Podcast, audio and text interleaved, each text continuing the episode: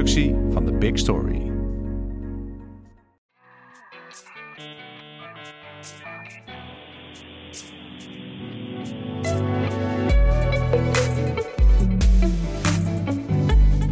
Dit is Komt een blad bij de dokter, de podcast van bladerdokter.nl over media-innovatie.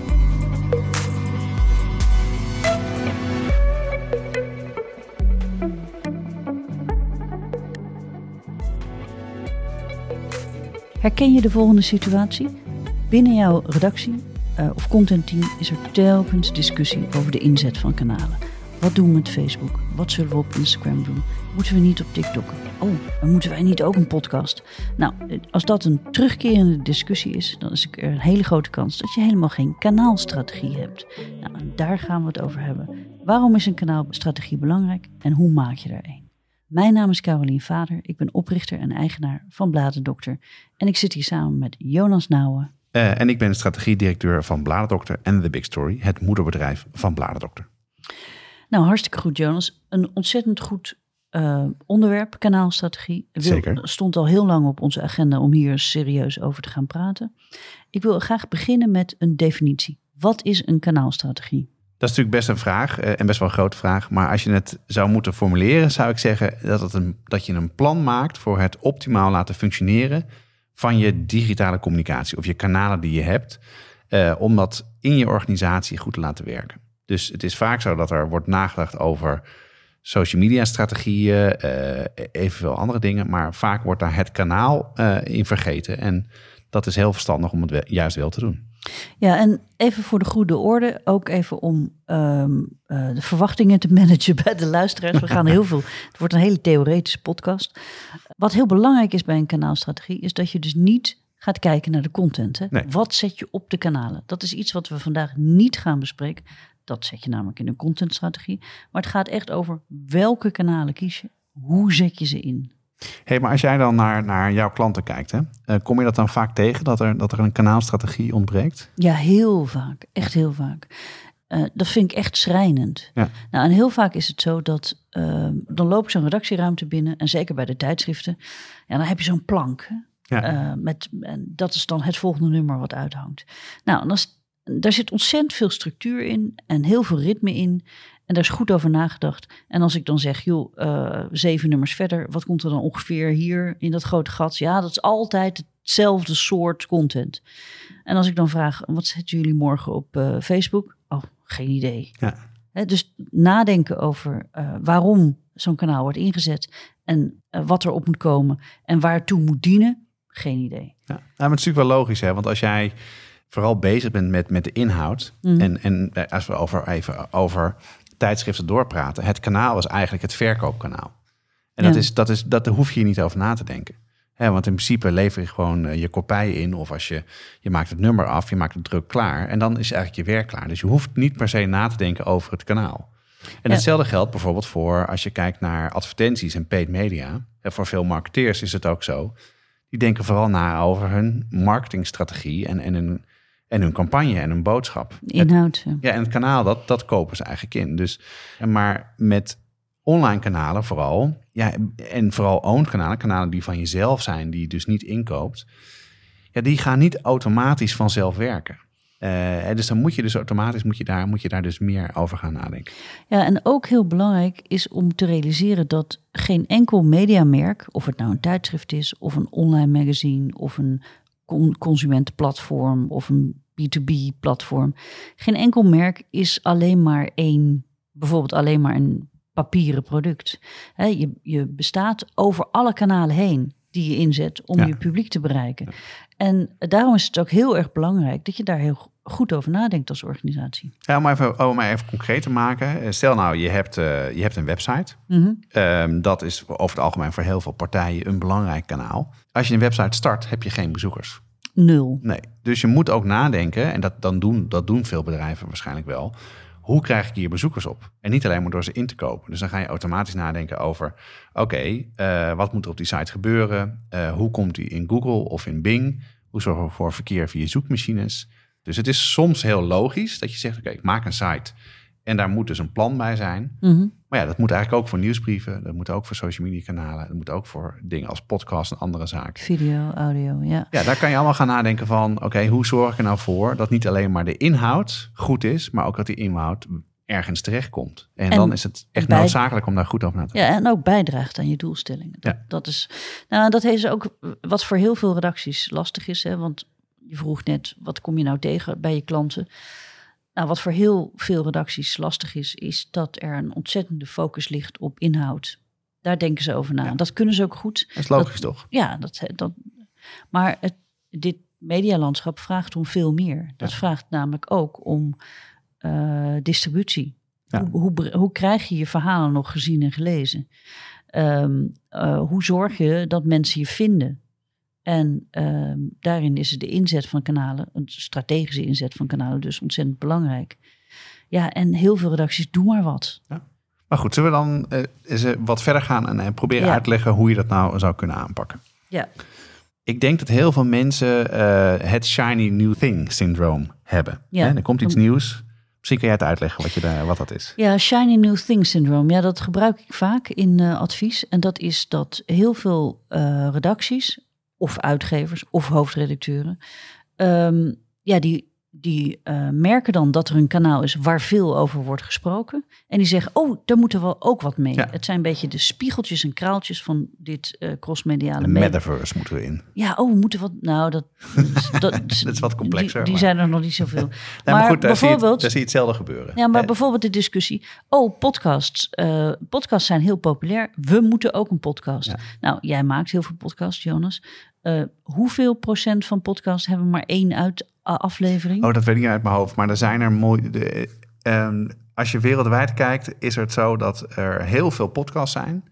Eh, maar er zijn er heel weinig die meer dan twee afleveringen hebben. En volgens mij, uit mijn dat hoofd, is het 65 procent of zoiets. zo? Ja, het is echt heel veel, ja. Ja, dus dat betekent, oh, nou, dan wordt er dus één aflevering gemaakt en dan merkt iedereen dat dat superveel werk is. En eh, nou ja, dan bloedt het weer een beetje dood. Ja, maar met, met podcast is het dus ook super moeilijk om luisteraars te krijgen. Daarom, en dat, dat is dus ja. echt de essentie van waar, waar we het nu over willen hebben. Ja. Nou, en dan nog iets. Ehm, er zijn dus mediamerken, echt gerenommeerde mediamerken. En dan zoek je ze op, en bijvoorbeeld op Instagram. En dan blijkt, dan blijkt er, nou ja, in eh, 2021 tussen eh, mei en september eh, content opgezet te zijn. En daarna niet meer. Hè? Of ze blijken he- helemaal geen LinkedIn-pagina te hebben. Waarom? Ja, eh, ja, niemand heeft er ooit aan gedacht om dat te doen. Nou, en Shiny New Thing Syndrome is meehobbelen met de trends. Hè? Bijvoorbeeld nu heel hard roepen, eh, oh, misschien moeten we wat met TikTok. Ja. Eh, terwijl er helemaal niet wordt nagedacht of je met TikTok je doelen kan bereiken. Precies. Ja. Nou, en een heel mooi voorbeeld vind ik bijvoorbeeld Clubhouse. Weet je nog, in de lockdown, zeker, ja. voor, wat was het vorig jaar? Ehm, Ja, ja, ik denk ja, ongeveer anderhalf jaar. Ja, anderhalf jaar is geleden. Ja, en opeens, anderhalf jaar geleden. ja. opeens had je Clubhouse. Dat was een audio-app. Is het nog steeds waar? Ja, het bestaat nog steeds. Een social media rondom het fenomeen audio. Waar je rooms kon maken met je merk. En met allerlei gebruikers in die discussie kon. Nou, hoeveel telefoontjes ik wel niet heb gekregen. Oh, Caroline, we moeten wat met Clubhouse. Kun je niet snel een plannetje voor ons schrijven? En eh, dat ik dan denk... Oké, nou hoor je ooit nog eens iemand over dat Clubhouse? Nou, ik heb het toevallig ehm, heb ik het uitgeprobeerd. We hebben een aantal, aantal verschillende sessies gehost en gedaan. Ja, toen. Ja, toen. En toen was het dus toen iedereen thuis zat en eh, de deur niet uit kon, omdat we midden in een lockdown waren wereldwijd. Maar je hoort er nu veel minder over. Nu, klopt, ja. je hoort er helemaal niks meer over. Ja. Nou, zo snel komt het en zo snel gaat het ook weer. Nou, Shiny New Thing Syndrome is heel erg meehobbelen met de trends, zonder na te denken of het daadwerkelijk bijdraagt aan je langetermijnstrategie. Nou, en eh, wil je dus Shiny New Thing Syndrome eh, tegengaan, ja, dat doe je dus met een kanaalstrategie. En eh, niet alleen zodat je als uitgever of als hoofdredacteur of als redactie een gedegen plan hebt over de inzet van je kanalen, maar ook om die, die interne discussie, die gebroken plaat, moeten we niet iets op TikTok? Oh, moeten we ook niet een video gaan maken? Om dat soort eh, doorlopende discussies ook een beetje eh, de mond te snoeren. Ik denk één, één andere belangrijke tip. Doe ook niet te veel kanalen tegelijkertijd. Ja. Dat is ook wat we heel erg veel zien bij klanten. Is dat je dus, eh, als je er eenmaal mee aan de slag gaat en over gaat nadenken. Denk, dan moeten we en Facebook doen. En dan gaan we ook en Instagram en Twitter. En dan gaan we ook eh, eh, nieuwsbrieven maken. En dan gaan we ook podcasts maken. ja, het is gewoon soms niet te doen met de mensen die je in je organisatie Nee, zeker hebt. niet als je een kleine redactie hebt, Nee. een contentteam. Ja. Om dan alles tegelijkertijd te doen. Dus dan is het zinvoller om eerst te beginnen met een aantal en die heel goed te doen. En dan, dus wat je net al zei, stapsgewijs verder uit te bouwen. Jonas, jij eh, adviseert altijd om een selectie te maken tussen primaire en secundaire kanalen. Ja, dat klopt. En waarom is dat zo belangrijk? Nou, wat, wat, wat we net al zeiden, het helpt dus heel erg om eh, te beslissen waar je aandacht aan gaat besteden en waar niet. En in de woorden primair en secundair zit ook meteen al wel welke belangrijk zijn en je dus gaat ondersteunen, de primaire. Mhm. En welke dus je secundair zijn en in mijn ogen dan niet belangrijk en eigenlijk ook wel links kan laten liggen. Dus het is ook een manier om, om keuzes te maken. Ja, en die keuzes eh, zijn heel belangrijk, zodat je die interne discussie. Ja. Maar je moet eh, echt voorkomen dat je, dat je niet te veel gaat doen. En dan Mm. helpt het dus dat je voor jezelf een manier vindt om met al je collega's daarover te praten. Hoe bepaal je nou primaire kanalen? Nou, dat begint als eerste om je te realiseren dat je met elkaar en je, met je hele team daar een, eenzelfde manier, eh eenzelfde soort taal moet hebben. Dus het helpt om als eerste criteria te gaan eh, vaststellen van wanneer Mhm. is iets primair en wanneer is iets secundair. En je hebt ook een aantal ja, eh, randvoorwaarden die, die daaraan gekoppeld zijn. Oké, er zijn vijf criteria om voor, waaraan een primair kanaal moet voldoen. En Ja. die wil ik graag even met je doornemen. Ja, wat ons betreft. Hè? Een Ja, wat ons betreft. Dit is, een- dit is de, de, het model wat wij altijd Ja, in onze adviespraktijk gebruiken. Bij zowel de Big Story als Bladerdokter. Oké, we nemen ze even door. Nummer 1. Bereik en zichtbaarheid. is het kanaal te gebruiken om mensen te bereiken. En om zichtbaarder met je merk of met je propositie te worden. En daarbij is, de, is het dus zo dat, eh, nou, het website voorbeeld wat we net hadden, dat heeft dan als je start geen bereik. Mhm. Wat moet je dan doen om daar eh, wel bereik op te krijgen? En is dan dat ook mogelijk met het kanaal wat je hebt? Ehm, podcast en bereik is best wel ingewikkeld. Ja, Dus als jij primair doel hebt om heel erg veel te be- willen bereiken met je podcast. eh, en bereik is essentieel, ja, dan is dat dus in dit geval. kan je het vinkje er niet goed naast zetten. Ja. Het tweede, als je het over bereik en zichtbaar hebt, zichtbaarheid hebt, is dat je moet gaan nadenken: zit jouw doelgroep daar? de juiste mensen, ja. Want je kan met hagel schieten en heel veel mensen bereiken via het kanaal wat je wil inzetten. Maar bereik je ook je klanten, je potentiële klanten Ja. of je lezers die je daar wil hebben. Dus eh, je, je- het helpt heel erg om als eerste jezelf de vraag te stellen: dit kanaal, kan ik hier bereik op opbouwen? En, ehm, en lukt het mij om de juiste mensen te bereiken? En als je die vraag eenmaal stelt, dan is het heel logisch dat bepaalde kanalen kunnen dat heel goed. Mhm. En andere kanalen is het dus, merk je, ja, dat is toch best wel ingewikkeld. Oké, nummer 2. Conversie. Ja, conversie. Wat is conversie? Nou, conversie is afhankelijk van wat je wil bereiken met eh, je online strategie, om het zo maar te zeggen. Mhm. Nou, eh, conversie kan zijn eh, artikelen lezen. Ja. Hè, want daar zit een digitaal abonnement achter. Dus als mensen veel artikelen lezen of open artikelen lezen, nemen ze een abonnement. Dan is conversie dus lezen en abonnement afsluiten. Ja. Anderen hebben weer dat ze een reclameboodschap willen overbrengen. Mhm. En anderen hebben weer dat ze dus spullen willen verkopen. Ja. Dus het helpt heel erg dat je dus van tevoren goed bepaalt... wat zijn je doelen die je wil bereiken. En je dan meteen ook af te vragen... is dit kanaal geschikt voor die conversie of voor die omzet? Nou, ik denk dat dat voor iedereen heel helder is. Nummer 3. Interactie. Ja, is het dus mogelijk om met je kanaal eh, je doelgroep te bereiken en daar ook in gesprek mee te gaan. En dat je met je achterban interactie hebt. En dan kom je automatisch eerder uit bij sociale kanalen bijvoorbeeld, Mhm. hè, waar mensen zitten en ook de mogelijkheid hebben om terug te praten.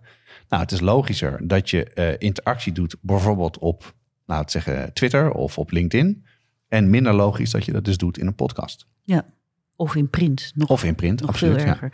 En interactie is in toenemende mate belangrijk in dit huidige medialandschap.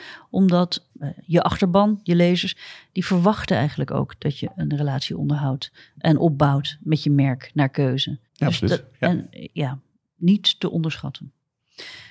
Dan gaan we naar de vierde. Effectiviteit. ja, en dit is dus meer. een- Jouw, jouw favoriete woord. Dit is mijn favoriet woord, absoluut, ja. Nou ja, het is ook een manier. Kijk, namelijk, het, het, is, het klinkt wat aan de saaie kant. Ik geef het toe. Hm. Eh, maak het effectief. Eh, eh, en je slaat ook wel wat, ja, zeg je dat? Creativiteit dood door alleen maar over effectiviteit te hebben. Maar wat, het, eigenlijk- wat we daarmee bedoelen is dat je gaat afvragen. Oké, je hebt een kanaal. Oké, er zit bereik op. Ehm, conversie gaat me lukken. Uh, interactie heb ik wat minder nodig, dus ik focus daar wat minder op. En dan is de vraag, okay, heb je misschien zes kanalen die je wil inzetten? Dan ga mhm. je daarna afvragen van um, hoeveel moeite kost het om dit kanaal succesvol te krijgen? Om te groeien in bereik of meer uit conversie te halen. Uh, en dat is niet zozeer alleen maar in geld, maar ook in moeite. Heb je de mensen? Kost het heel veel tijd en geld? Uh, en, en ja, in die zin helpt het heel erg als je een langere lijst met kanalen hebt, dat je effectiviteit dan op een gegeven moment centraal zet en denkt: oké, met welke gaan we de oorlog winnen? En dan ga je daar dus mee aan de slag. Ja, en dat is een heel effectiviteit is een hele belangrijke discussie op het gebied van kanaalstrategie. Want uh, heel, voor heel veel uitgevers uh, hechten nog een heel, hele grote waarde bijvoorbeeld aan print. Terwijl print heel erg veel uh, geld en moeite kost om te produceren, om je doel te bereiken, namelijk je achterban uh, te tracteren op goede content, bijvoorbeeld. En die kosten zullen alleen maar toenemen met die waanzinnige papierprijzen en ook uh, een steeds hogere distributie. Um, en dan zou je ook kunnen afvragen, moet, moet dat dan niet, moeten die processen dan niet naar online bijvoorbeeld verplaatst worden of naar een nieuwsbrief? Um, hetzelfde geldt bijvoorbeeld voor audio en video. Als je dat heel goed wil maken, is heel duur. Ja, absoluut. Ja. ja. en dan is ook maar de vraag of je daar ook daadwerkelijk de juiste mensen mee bereikt. Um, effectiviteit, goed. Nou, en dan de laatste, nummer vijf, groei. Ja, ja. Dat is ook een beetje een, uh, ja, misschien een dooddoener, maar de vraag is ook van, uh, ben je in staat om het kanaal wat je misschien al gebruikt, om dat dus verder te laten groeien? Ja. Om er een betere conversie uit te halen, om meer bereik uit te halen, om de engagement goed te verhogen. Uh, dat zijn allemaal dingen die je zo kan, kan afvragen. En dan kijk je dus ook niet alleen maar naar um, wat het kanaal kan. Je denkt ook goed na over wat je doelgroep aan kan. En wat je zelf als organisatie in staat bent te doen qua budget en geld. Ja. ja en het is heel logisch.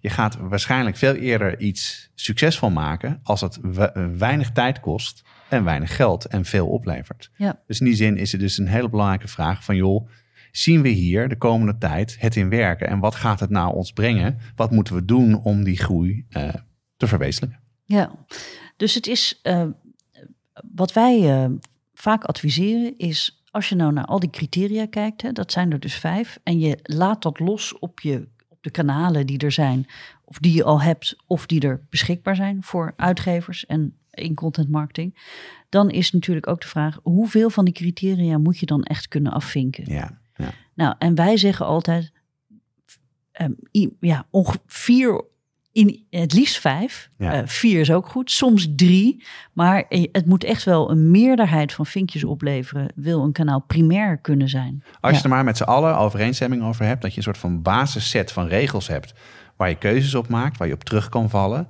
zodat je niet continu die discussie hoeft te voeren en ook uh, jezelf realiseert, oké, we moeten wat meer doen dan alleen mooie content maken om succesvol te zijn. Je moet echt ook gaan nadenken. Neem het voorbeeld van een, van een weg. Ja.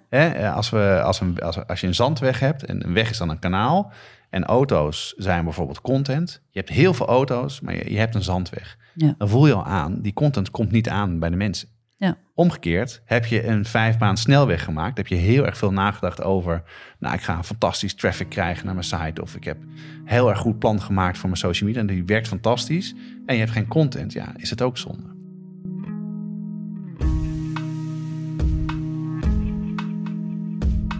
Goed, vijf criteria. Uh, maar we hebben naast die criteria hanteren wij ook randvoorwaarden. Ja. Uh, randvoorwaarden voor primaire kanalen. dus als je kanaal primair maakt, zul je ook uh, iets moeten organiseren in je redactie of in je contentteam. Uh, om te zorgen dat die primaire kanalen ook echt de aandacht krijgen die het verdient. Nou, wij hanteren vier randvoorwaarden. Die gaan we ook even doornemen. Zeker, ja. Goed, de eerste een, het kanaal zit in het takenpakket van medewerkers. Dus verantwoordelijkheid. Ja. je moet, kijk, die, die randvoorwaarden moet je een beetje zien als regels. Ja. En vaak genoeg zie je bij organisaties dat ze heel enthousiast worden over het inzetten van online kanalen. Dat moeten mensen vaak erbij doen. En ja, dus het kanaal moet heel belangrijk worden. Eh, maar je moet het maar doen in de, taak, in de tijd eh, die je ervoor kan maken. Nou, dat gaat dus niet werken. Ja. Dus als jij iets primair maakt, is eigenlijk de regel die je zelf oplegt als management of als, als, als hoofdredacteur of als redactie. Oké, als hij primair is, dan moet iemand daar verantwoordelijk voor zijn. En dan moet, hij, moet het in zijn takenpakket zitten.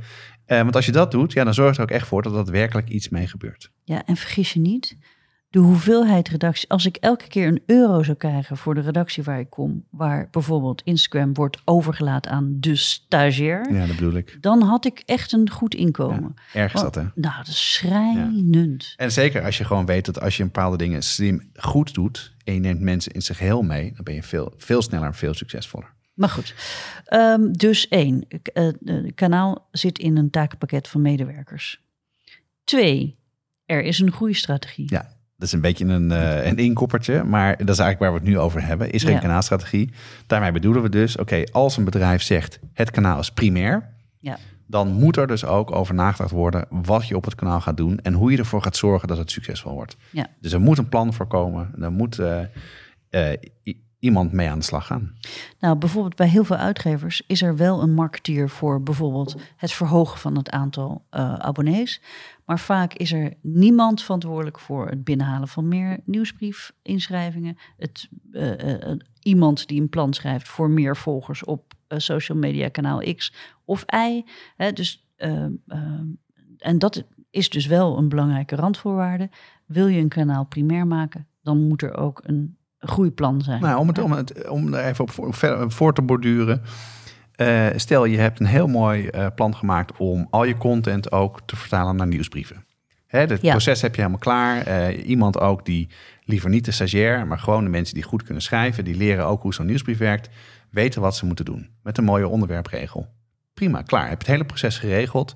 En dan gaat de nieuwsbrief uit aan tien mensen. Ik overdrijf een beetje. Mhm. Maar als je niet nadenkt over hoe je mensen laat inschrijven voor die nieuwsbrief, Ja. wat je daar op je website voor doet, hoe je dat bijvoorbeeld op social media kan aanjagen, hoe je ervoor zorgt dat mensen weten wat ze kunnen verwachten van een nieuwsbrief. Ja. Dus als je je inschrijft, krijg je een mailtje terug, dit kan je verwachten. Strak op tijd alles uitsturen. Aan je... goede pup- pop-up op je site. Exact. Nou, en, dat, en dat is dus iets, als je dat dus niet iemand verantwoordelijk voor maakt en ook niet nadenkt over hoe je dat voor elkaar gaat krijgen, kan je nog zo'n mooie content maken, maar dan komt het maar bij tien mensen uit. Ja, Eh, overigens wil ik meteen even een haakje doen eh, naar. We hebben een tijd terug een goede nieuwsbriefaflevering gemaakt in Ja. deze podcast. Eh, en dat, daar zitten heel veel tips in voor hoe je groeit met je nieuwsbrief. Dus daar verwijs ik graag even naar. Dan gaan we naar randvoorwaarden nummer drie. De belangrijkste. Er is budget beschikbaar. Er is geld. Ja, Money. ja. Nee, ja maar het, zeker. Dat is dus, er is dus tijd in Ja. takenpakket. En dat is natuurlijk heel veel bedrijven ook geld. Hè, daar moet je natuurlijk ook geld voor, voor hebben. Ehm, en er moet gewoon eh, budget zijn om bijvoorbeeld aan de site te kunnen werken. Om de site te kunnen veranderen. Ja. Of eh, om tijd en aandacht te besteden om op social media dingen te doen. Of om bepaalde eh, content ook eh, met budget te Pushen, promoten, ja. te pushen. Of überhaupt om een goede e-mailclient aan te kopen. Ja, of iemand in te huren, Ja. een, eh, een UX'er of iemand anders of een designer om mee te denken over hoe je de nieuwsbrief goed doet. Of een tekstschrijver extern in te huren om te doen. Dus het is, weet je, als je dan eh, wat minder eh, de luxe hebt om het takenpakket helemaal uit te breiden, als het heel druk is, zorg dan dat er genoeg geld is, zodat mensen ook de middelen hebben om daar mee aan de slag te gaan. Ja, en zeker voor audio en video. Hè? wil, je, wil je een podcast? Prima, ja, dat kost gewoon geld. Zeker. Het is echt niet zo dat je je, je, in het microfoontje van je iPhone een, een verhaal kan inspreken en dan klaar. Kan wel, Ja. maar dan, dan ga, je het, ga je het niet volhouden. Dan heb je ook een enorme kut podcast, kan ik je vertellen. Maar goed. Ehm, nummer, vier, eh, nummer vier, de laatste. Analyse van het kanaal met data en KPI's. Ja, dat, KPI's, ook even uitleggen, ook een van jouw ja, lievelingswoorden. dat is zeker een van mijn, mijn lievelingsstokpaardje. Eh, Key Performance Indicators, voor de mensen die willen, willen weten wat dat is. Nou, wat we daarmee bedoelen is, eh, als je iets primair maakt en er is iemand verantwoordelijk voor en er is geld voor en je hebt er een plan voor gemaakt, dan moet je natuurlijk wel weten of het werkt. Ja. Dus je moet ervoor zorgen dat je vooraf weet, oké, eh, waar ga ik het kanaal op beoordelen? Wat wil ik dat ermee gaat gebeuren? Er Wanneer groei- is het kanaal succesvol? Exact. Ja. Hè, moet er groei in komen? Hoeveel groei? En hoeveel groei is dan een KPI? Dan kan je namelijk meten van waar je naartoe wil. En heel vaak moet je daar ook dingen voor doen. Je moet dus van tevoren gaan nadenken. Hoe je, zeker in de nieuwsbrieven, om daar even op terug te komen, dat is best wel ingewikkeld om goed te meten. Ja. En niet elk nieuwsbriefkanaal is een, heeft dat goed op orde. Dus dan moet je nadenken over hoe je die data uit zo'n systeem krijgt, hoe je dat dan eh, in een dashboard zet bijvoorbeeld, hoe je dat ook eh, toegankelijk voor de hele organisatie maakt. En zodat je ook kan laten zien aan elkaar, het werkt. Ja. En ook als het niet werkt, dat je met jezelf, met, met het team gaat kijken, oké, waarom komt die groei niet op dat kanaal? Dus het is, een wat, het is een wat saaier onderwerp, ik realiseer het me. Nou, Maar niet- het is ja, cruciaal als je gewoon eh, de vingers aan de knoppen wil houden en zeker wil weten dat tijd en energie die je niet stopt, ook daadwerkelijk tot resultaat gaan leiden. En al die kanalen die komen met analyses. Hè? Je kan op al die kanalen eh, krijg je cijfers om t- en data om te zien eh, wat je content doet en hoe je gebruikers zich gedragen.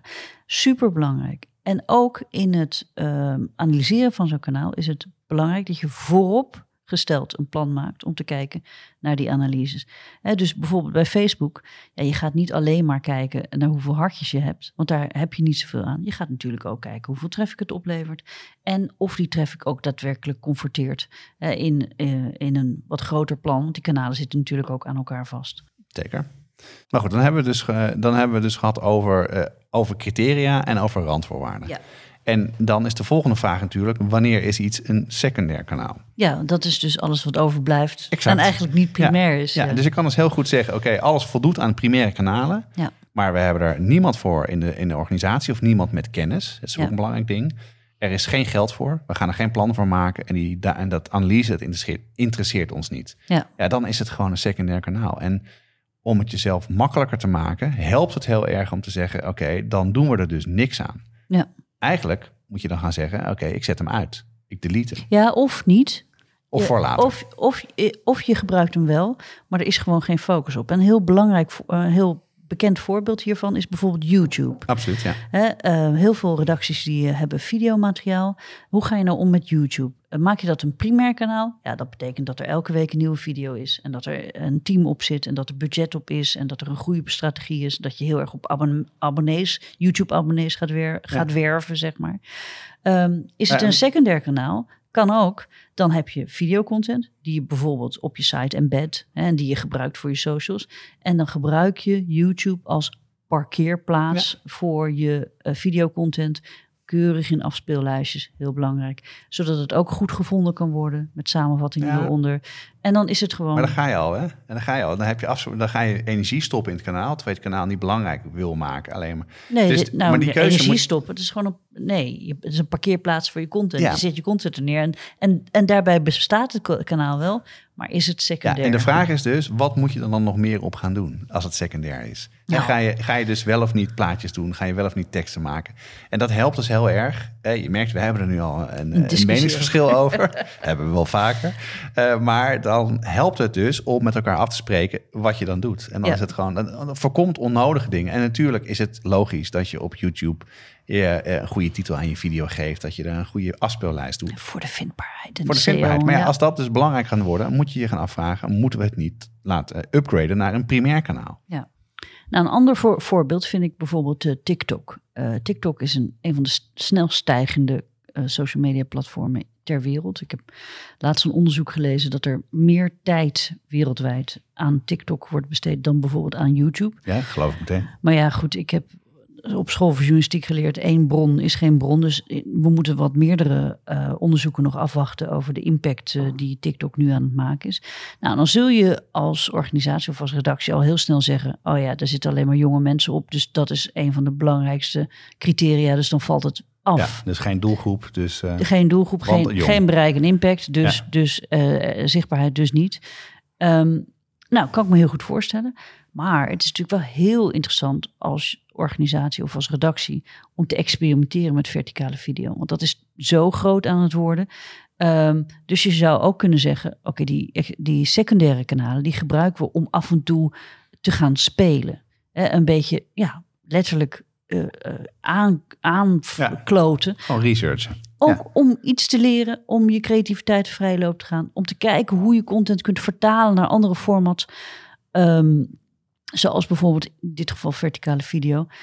Dan leid je ook niet al te veel reputatieschade. Maar je blijft wel ontwikkelen in je vak. En daarom is het ook heel belangrijk om juist secundaire kanalen aan te wijzen. Want dat is dan uh, ja, uh, ja, een soort laboratorium, als het ware. Maar wat je dan dus niet moet doen, en dat is, dat is dan wel wat er in sommige organisaties gebeurt, dan ontevreden zijn dat je niet veel views hebt. Of ontevreden zijn dat er weinig mensen je volgen. Want dat, dat is niet waarom je het doet. Ja. Mag, is namelijk, is namelijk geen. Het gaat om het experiment. Ja, het is geen uh, primair kanaal. Dus het mag ook mislukken. En dat is heel belangrijk. Nou, en wat ik ook nog uh, wilde zeggen, dat is ook een aantekening die ik gemaakt heb. Um, je hoeft niet altijd heel erg goed te weten hoe je video's maakt om op TikTok te experimenteren. Of bijvoorbeeld hoe je. Uh, er zijn namelijk heel erg veel apps en tools.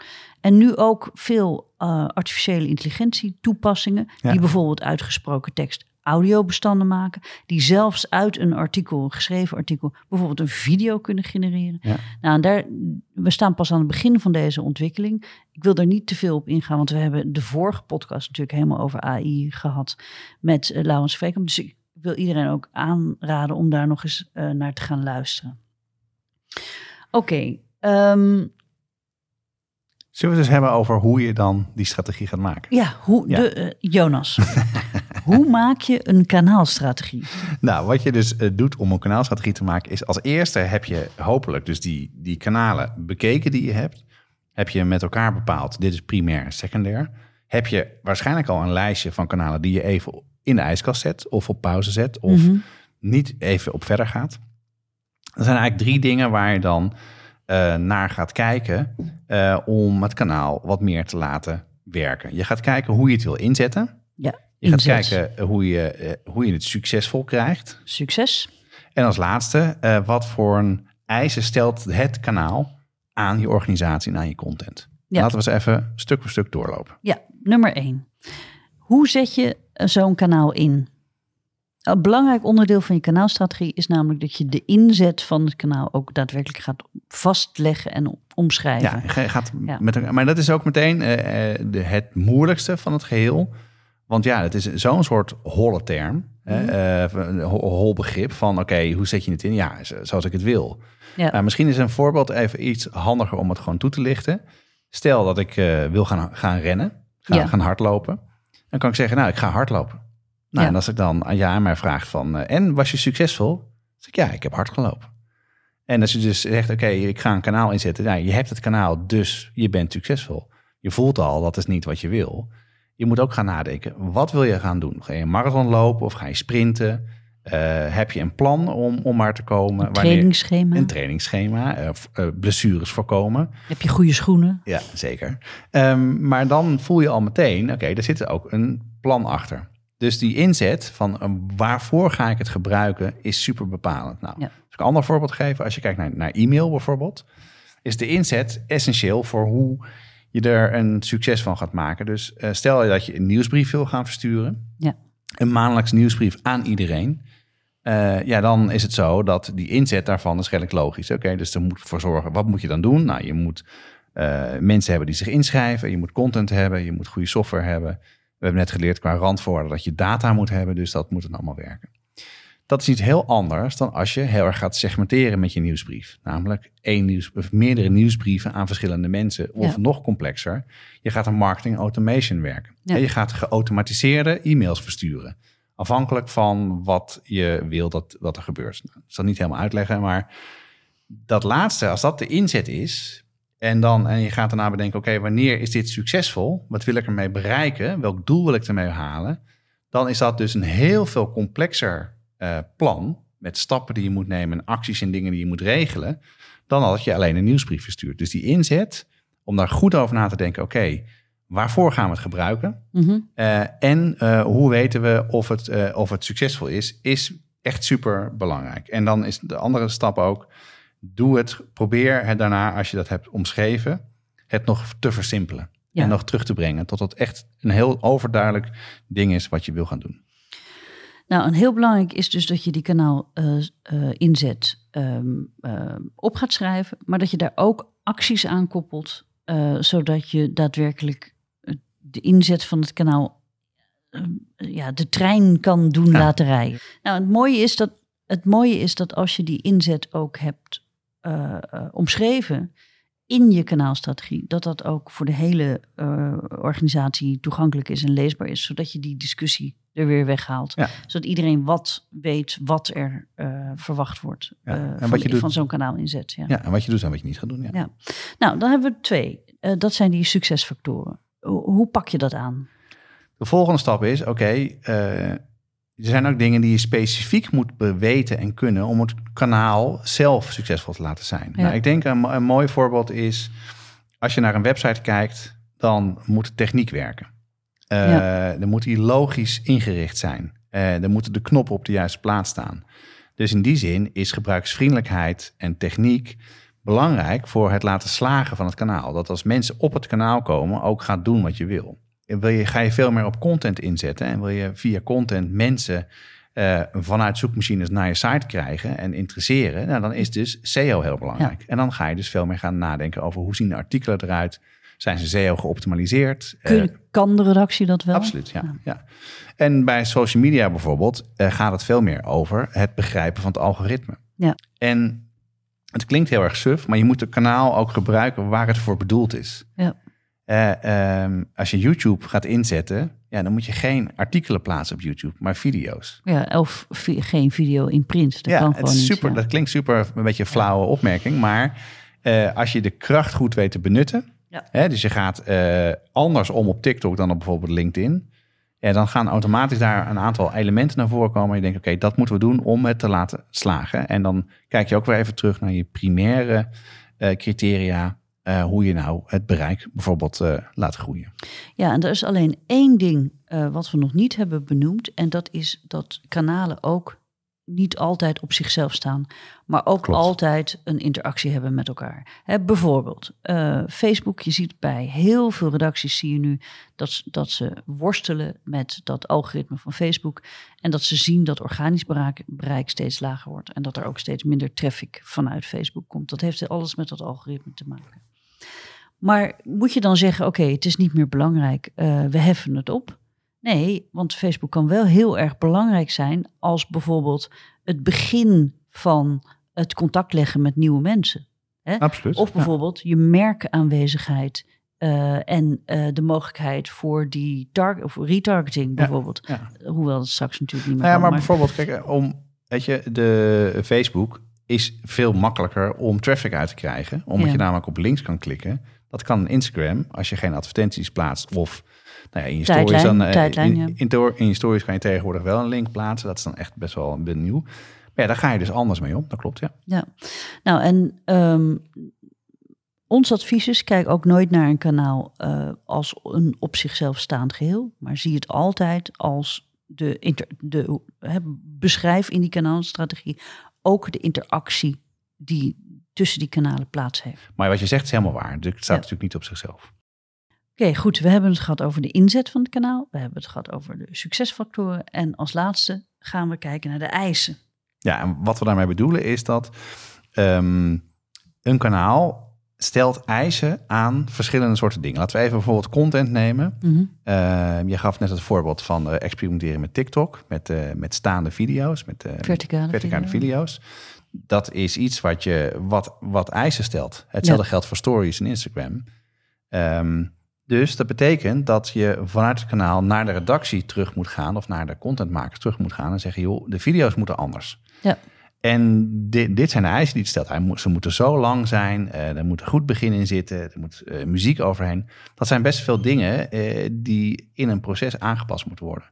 Nou, het tweede is bijvoorbeeld, wat stelt het aan voor eisen aan je, bijvoorbeeld je, je contentkalender, je publicatiedruk? Ja. moet je meer of minder dingen gaan doen? Dat is ook een belangrijk ding. Zeker als bijvoorbeeld als we SEO als voorbeeld nemen voor, voor een website je zegt, oké, okay, om succesvol te zijn, moeten we veel meer content gaan publiceren. En we moeten dat zo technisch gaan doen, hè, qua succesfactoren. Maar dan moet je natuurlijk ook gaan, die content gaan maken. Ja. Dus dat gaat ook weer een opdracht geven aan andere mensen.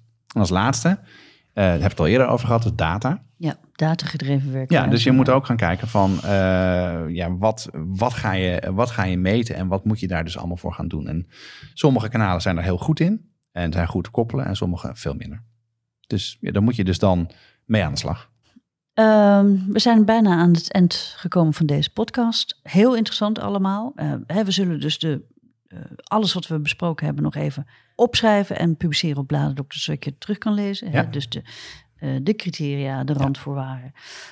als laatste wil ik eigenlijk een, een kort stappenplannetje met je doornemen. Hoe ga je nou starten met een kanaalstrategie? Ja, wat moet je doen? Ja, welke vier stappen of acties moet je doen?